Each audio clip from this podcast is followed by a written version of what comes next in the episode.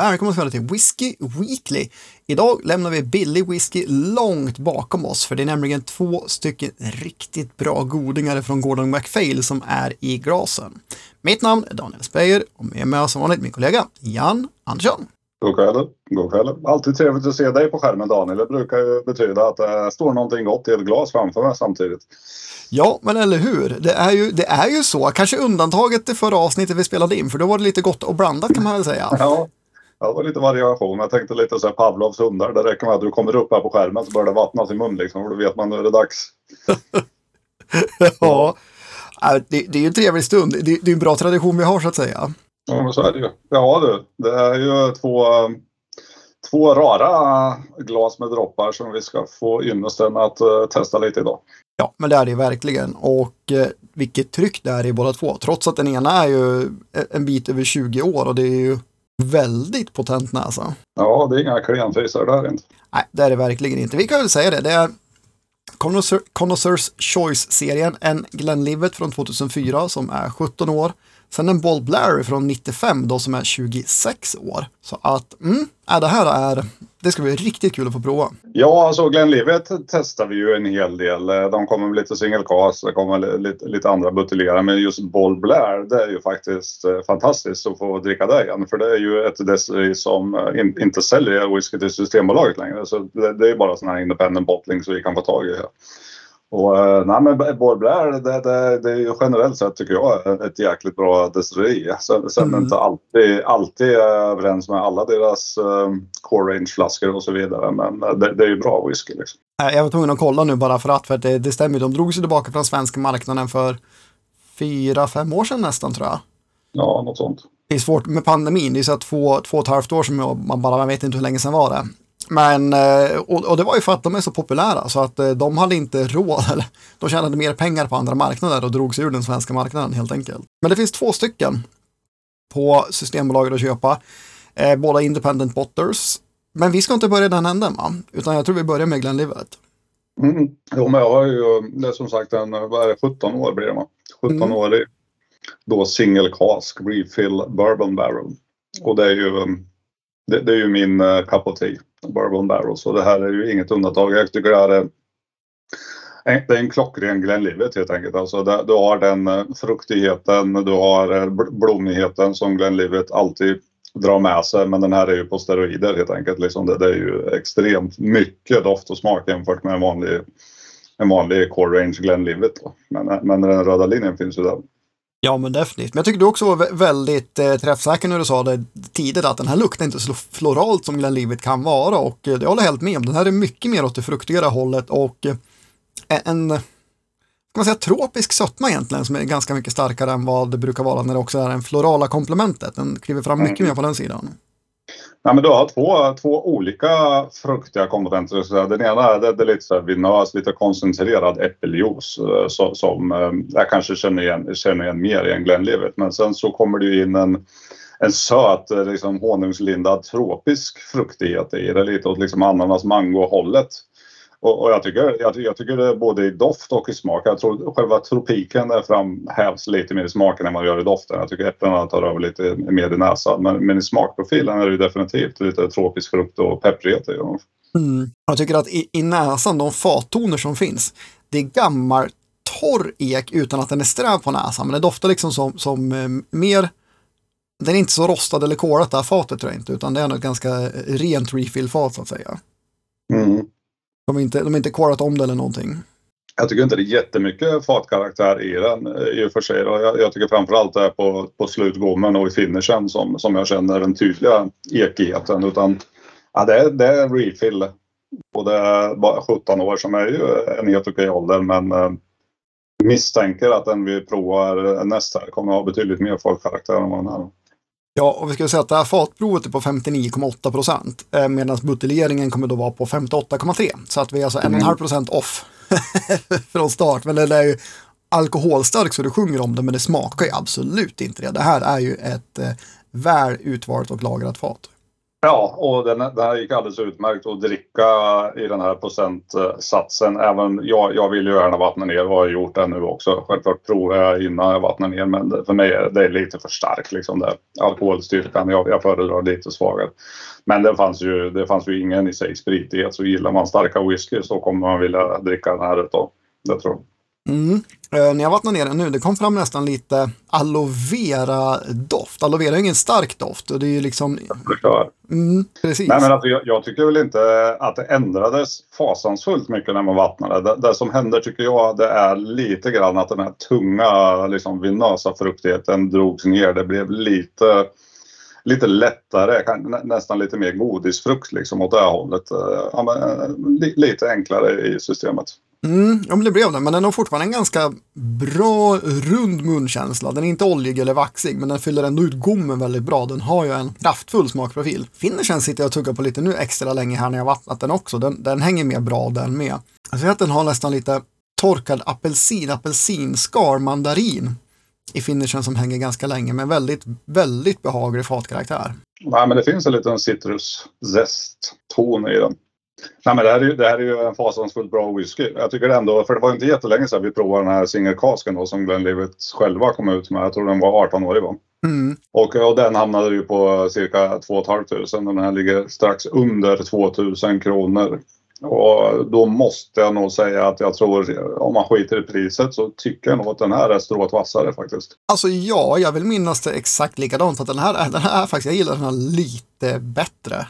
Mm. Uh, det, det, är inte så att det är en världsskillnad, men jag menar att kunna då ha en 70 single cask för 1954, det känns ju nästan som ett, ett kap då helt plötsligt. Eftersom Gordon McFail är ju inte kända för att ge rabatt på sin whisky, utan de håller hög kvalitet och kan ta betalt för det.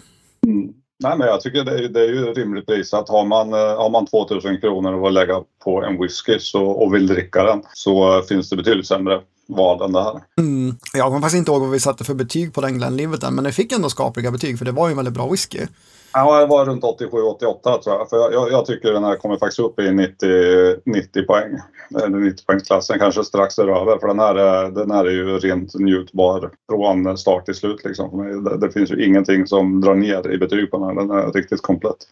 Ja, men alltså 100 procent. Gillar man en bourbonlagrad whisky så är det ju här eh, eh, ett skolklassexempel på att så här, ska det, så här bra kan det vara på, på 17 år det är inte så att det är någon så här 30 plus-åring lagring som bara blir liksom gam gammal god så utan den här är ju och då 17 år, det är ingen ålder på en skotte.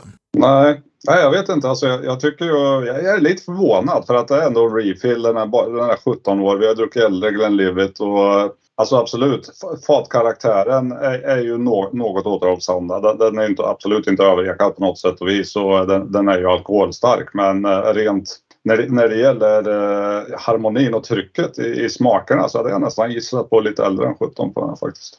Ja, men en sak som är väldigt intressant här och nu vet inte jag ifall Golden Fail gör så eller inte, men det finns så kallade vissa buteljeringar från andra leverantörer vet att det finns syskonfat eller systerfat som vissa säger bara där man har delbuteljerat ett fat för en marknad och kört en annan butelj, alltså buteljera en del till en annan marknad. För att på den här är det nämligen listat 97 flaskor totalt och 97 flaskor till Sverige. Så att informationen vi har är att hela fatet är bara 97 flaskor. Jag menar på, på en Bourbon Barrel då, det är ju inte, eh, det, det, är inte så att England har varit snåla. De har ju tagit en bra andel. Ja, och då skulle den ju inte vara så här alkoholstark om det var bara 97 flaskor i en Barrel. Ja, det beror på hur den är lagrad. Va? Den här är legat i deras eget lagerhus. Har de haft den på någonstans i hörnet i lagerhuset där det har varit så att, eh, så, att alkoholen ligger ganska konstant, att de inte har... Det är svårt att säga, men det känns som att det här kan vara en delbuteljering.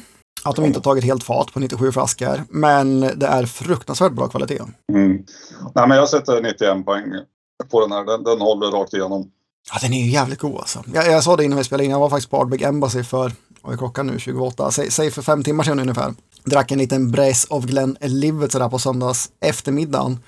Runda av en bra lunch och den här är faktiskt bättre än den och den tänkte jag, det här är någonting som börjar närma sig 90 poäng när jag satt på, på Ardbeg Embassy. Och så att eh, Ja, men den här är 90 poäng och ja, den, den får 90 av mig, 91 av dig. Mm. Riktigt bra whisky. Priset 1954. Helt okej. Ja, det är helt okej. Okay. Jag, jag, jag, skulle inte bli ledsen om jag köpte den här whiskyn för det priset. Det, det kan jag säga garanterat. Ja, nu, nu, nu får ju Bob Blair något, något att bita i här. En riktig utmaning, men den är nio år äldre, 26 år gammal. Vi får sådana söta små prov här. Eh, men inte min kamera jobbar med mig. Men eh, 53,3 procent eh, har vi i glaset, 51 procent är den buteljerad. 3363 kronor.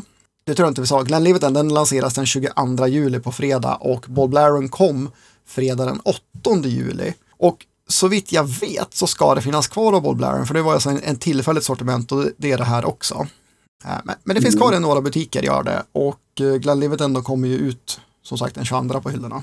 Ja, det är ju definitivt inte samma whisky man uh, trycker ner näsan i här. Det är något helt annat och det, det första som slår mig är att uh, det, är, en ganska rejäl, uh, nästan lite murkig uh, brändhet i den. Alltså brända kolatoner. Mm. Bränd vaniljkola. Lite mörkna känslan som du säger. En sak som faktiskt står på flaskan och som, som jag tror även att Symposium kanske hade skrivit det är att det finns en lite så här bivaxnäsa i den här. Mm. Och det tycker inte jag är helt orättvist att säga faktiskt, för att den är lite, den har en sån söta och lite märkliga torrheten som kan vara när man, när man doftar på, på bivax. Va? Det är inte helt ja, fel. Det är inget jag gör varje dag, men Nej. ja. Nej, alltså senast jag gjorde det, det var något så här bivaxljus och, och det, det, det, är väl det jag drar, drar mig till minnes va? Jag förstår nog vad man menar precis. Så det brukar ju kunna komma med lite, med lite ålder på, på en whisky faktiskt. Ja. Mm. 26 år är ju inte så mycket att det skulle bli tydliga sådana toner. Så det är lite grann här också att det finns äldre toner. Ja men verkligen. Det vara, börja där i och för sig, men 30 plus framförallt tänker jag på när man tänker liksom de här vaxiga tonerna. Ja, det är ju då det brukar kunna vara riktigt, riktigt kännbart. Men det här är också då en Refill American Hogshead. 132 flaskor blev det på den här. Men den här doftar riktigt bra också. Den här är väldigt, alltså, den är väldigt annorlunda jämfört med Glenlivet men... Ja, den här är ju tyngre framförallt. Alltså det, här, det känns som att då, lyssnar vi på lite gladpop här så är vi strax kommit in i hårdrock lite så känns som. Det, det betydligt tyngre fruktighet och sötman är tydligare. Men sen har du ju även eh, det, det är en liten maritim känsla där också. Det är lite drivved och li, lite havssalt liksom som kommer in i tonen. Mm, men verkligen, den, den, har, den har en helt annan sån dimension av doften som Glenlivet inte hade. Också som fruktigheten, den är inte, det är det absolut äpplen i den här också, men, men det är en annan som du säger, det, det är en tyngre, kanske lite så här inlagd fruktkänsla eh, av, de mer klassiska bourbonfrukterna, alltså gröna äpplen och eh, känns även som vaniljen är indragen i det där lite så här mer, mer, mer lite så kompactare, lite tyngre, lite tyngre dofterna. Mm, det är lite annorlunda vaniljton. Jag tycker det är ganska smörig vaniljtonen i den också. Liksom. Det är lite essig, lite smörig. Så. Ja, den här är nästan intressantare på näsan. Jag säger att den är intressantare på näsan än Glenlivet än bara för att här finns det mer, liksom, man kanske kan locka fram lite toner. Jag tror även att den här kan utvecklas ännu mer med längre, längre luftning. Va? De här har väl varit båda två ungefär en halvtimme i glasen nu. Framförallt så är väl den lite annorlunda, lite mer unik ska jag säga. Alltså Glenlivet det, det är ju ganska traditionella toner även om det är jäkligt bra och liksom välsorterat. Men det här känns ju lite annorlunda. Det är lite mer, lite högre nivå av unik i den här. Mm. Mm.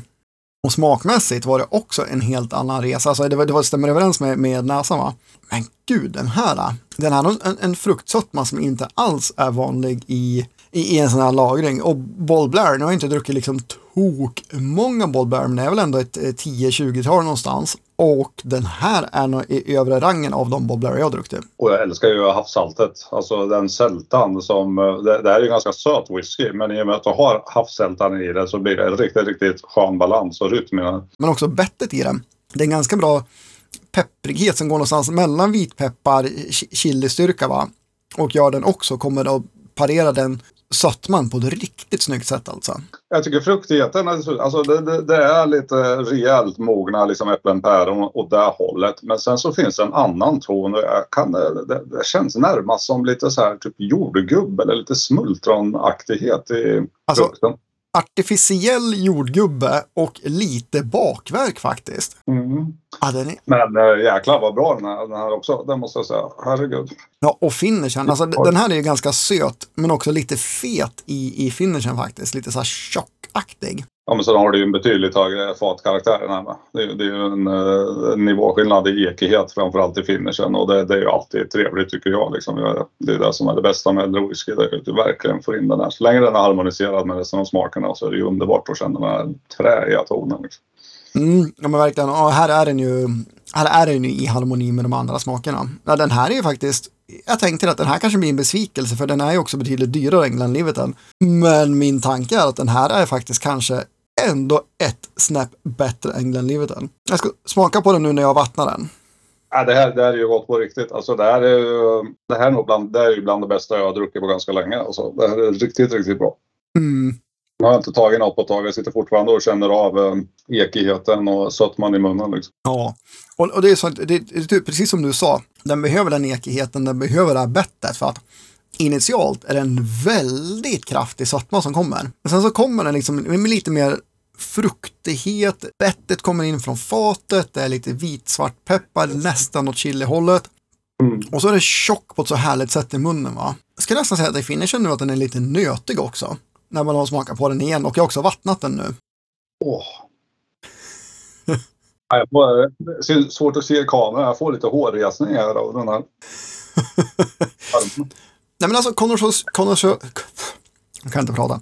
Connoisseurs Choice-serien, det är ju liksom alltid varit hög kvalitet. Men det här är ju den högsta kvaliteten vi har provat ur den serien från Gordon MacPhail. Och den här är 3363 kronor vilket är klart över min eh, genomsnittsbudget för en whisky. Men eh, där måste jag säga att den här blev jag sugen på nu. Ja, pro- problemet är väl att eh, man, man har ju inte en plånbok som gör att man öppnar den här som en vardagswhisky direkt. Nej, men eh, åh, den här ska jag kunna suga på vilken dag som helst på året. Ja, ja, verkligen. Hörru du, jag, jag vet faktiskt inte vad jag har för rekord eh, sen vi började här. Men den här eh, är nog där uppe och nosar. Den här får ett 94 poäng av mig. Jag tycker den den är helt magisk. Du, det är det högsta betyget vi någonsin har satt på någon whisky överhuvudtaget. Det, jag vet inte, du har varit där uppe vet jag på någon. Men eh, jag tror inte jag har varit där uppe. Men jag Nej. kan inte komma ihåg någon whisky som jag känner att den var nog bättre än vad den här är heller. Liksom. Det här är riktigt, riktigt komplett. Speciellt med de här gamla härliga tonerna. i. Fruktansvärt bra. Ja, jag har inte filen öppen nu, men jag tror att 93 är det högsta både du och jag har satt förut. Så 94, det är alltså Jag leder. Det, det, du leder. Eh, jag är inne på att den här är så jävla bra va, men den, är, nitt- den här är 93 för mig. För jag kommer ihåg det var en, det var en Gordon MacPhail senast som var på 93. Eh, inte en Bold Blair, men vad var det för någonting då? Strunt samma, det, det är oviktigt. Men eh, nej, eh, hatten av Boll Blair, Connoisseurs Choice och Symposium. Det här eh, det är det bästa jag druckit på väldigt länge. Fantastiskt bra whisky. Mm. Frukt. Ja men alltså verkligen, alltså Gordon MacPhail, man blir aldrig besviken, men här har de ju överträffat sig själv. Alltså, Ja, ja, det här är helt fantastiskt. fantastiskt. Man tänkte att Bold Baron kommer få det svårt nu efter den här bra Glenn Liverton, men den bara steppade upp och visade att det kan vara ännu bättre. Ja, det där är ledsen att eh, den är slut den där nu. Skulle vilja ta en till. Men eh, så är det ibland. Ja, men igen, det, det finns kvar i sex stycken butiker på bolaget, så det är bara Ja. att öppna lädret och Mm. Det är tur det inte finns några andra hål att fylla liksom. Bara gå och köpa whisky för alla pengar man har. Ja, ja. Jag ska suga på det Daniel. Jag ska fundera på saker. Ja, men gör det. Nej, jättetrevligt. Alltså vilken provning. Det här blir man ju lycklig av i själen verkligen. Underbart. Det är fantastiskt att sitta här med igen. Alla där ute. Skål på er.